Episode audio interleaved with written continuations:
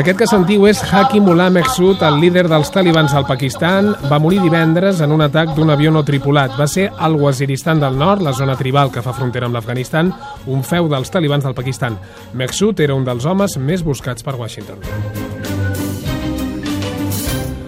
Pere Vilanova, molt bona tarda. Bona tarda. Eh, La mort de Mehsud arriba en ple, en ple debat sobre l'efectivitat dels drons, les víctimes civils que, que provoquen. Hi ha moltes coses per, per comentar. Què n'opines?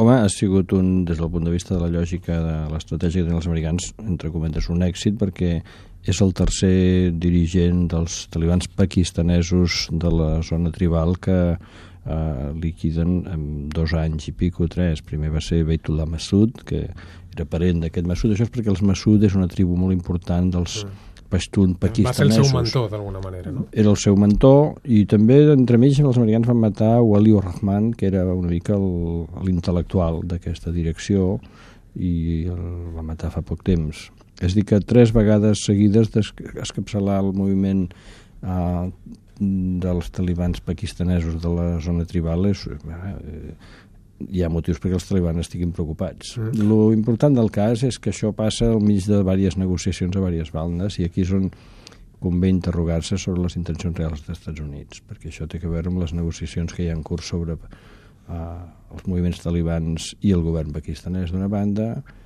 els taliban i el govern de Kabul i els nord-americans de l'altra, que és una negociació que té lloc Perquè es veu que A Qatar. el van matar l'endemà que el govern del Pakistan va anunciar que obria converses amb els talibans pakistanesos. Les converses fa quasi un any que existeixen, però... L'anunci oficial. sí, l'anunci oficial, perquè l'emir de Qatar no va autoritzar l'obertura d'una oficina. A més, va posar com a condició que es poguessin fer les converses a Qatar que els talibans tinguessin una oficina permanent, oficial, una delegació visible allà, per, per lligar-los una mica no, a, a l'espai aquest públic de la negociació.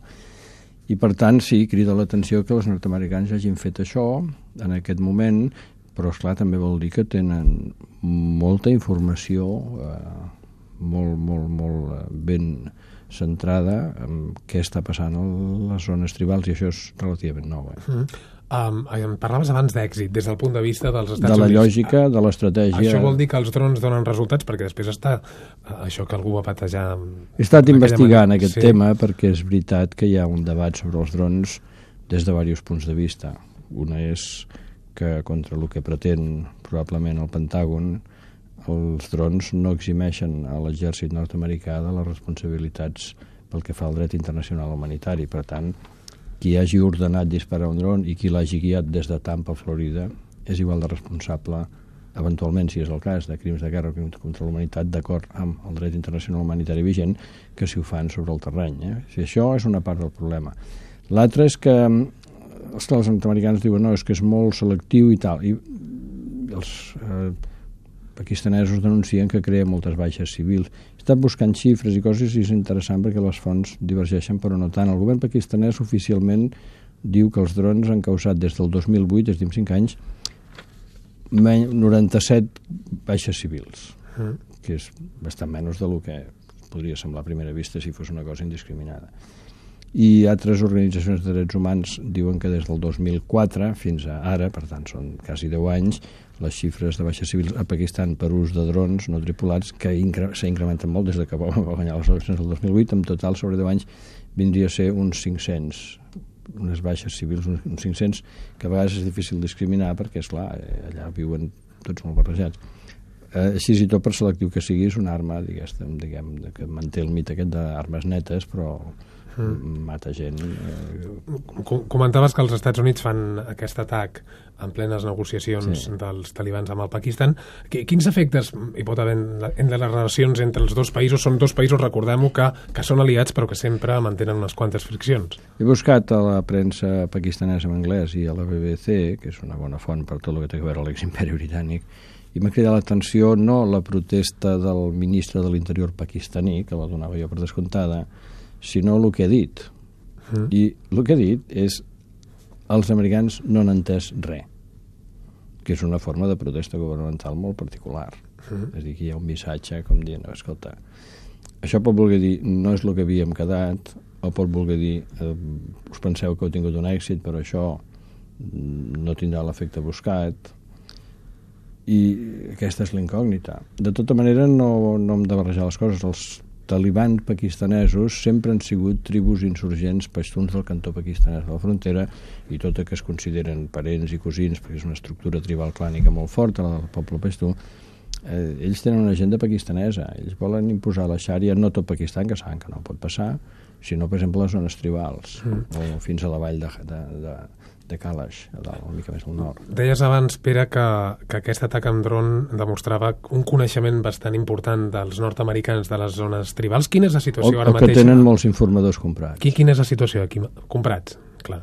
Home, la, la, els atacs d'aquest tipus selectius els israelians en, en fan molts, eh, sobretot a Gaza, però no només a Gaza, i això és una novetat de la segona intifada comparada amb la primera intifada, on la repressió era molt indiscriminada, en el cas dels israelians eh, passa perquè els serveis eh, israelians, eh, concretament els territoris ocupats, doncs el Ximbet i la intel·ligència militar, però el Ximbet és serveis secrets, el que ells diuen interiors, passa per tenir molta gent controlada o comprada. O sigui, comprada amb diners o comprada per altres coses. Mm. Eh, coses familiars o coses... I això passa molt... Els, els israelians van liquidar el Sheikh Yassin, que era el màxim dirigent de Hamas, i tothom deia, si maten eh, Yassin hi haurà una tercera intifada, i el van matar i al cap de tres setmanes no havia passat. Hi havia hagut una manifestació molt airada, però era totalment vulnerable el Sheikh Yassin, i vol dir, els israelians sabien a quina hora sortia amb quin cotxe de quina casa. Mm. I també va ser no un dron, sinó un helicòpter amb un missil teledirigit probablement guiat pel telèfon mòbil d'algú dels guardaespatlles. Relativament fàcil. Suposo que els Home, talibans... no, no, no, jo no ho trobo gens fàcil, però diguem que són les coses que es fan ara amb aquesta... Uh, uh, suposo que els talibans uh, trobaran aviat un successor. El, sí, perquè a més això no cal ser taliban, és dir, l'estructura tribal pastú de les zones tribals de Pakistan tenen previst qui és el líder i què passa si, si mor o desapareix o alguna cosa. És dir, aviat n'hi haurà un altre, tindrà més talent o menys aquest eh, Hekimullah Massoud era una persona, es veu, amb bastant carisma, però el seu antecessor, Beitullah Massoud, també. Per tant, buscarà algú de la branca tribal, no sé quin grau de família tindran, però d'aquesta rama dels Massoud, i serà el líder del Tahrir Talibano Pakistan, que és els talibans d'aquella part de Pakistan. Però allò és una part molt separada de Pakistan, el resta del país va bastant pel seu ritme. En aquests moments a Pakistan es discuteix sobre el judici del general Musharraf, i l'exèrcit no, no ha perdut ni un mil·límetre de territori excepte les zones tribals que ni hi entra. És dir, que no, aquests moviments no posen en qüestió l'estabilitat de Pakistan, posen en qüestió el seu statu quo. Mm. Pere Vilanova, moltes gràcies. Avui hem parlat de la mort del líder dels talibans al Pakistan, Hakim Ullah Mahsud. Moltes gràcies, fins a propera. Bona tarda. Bona tarda.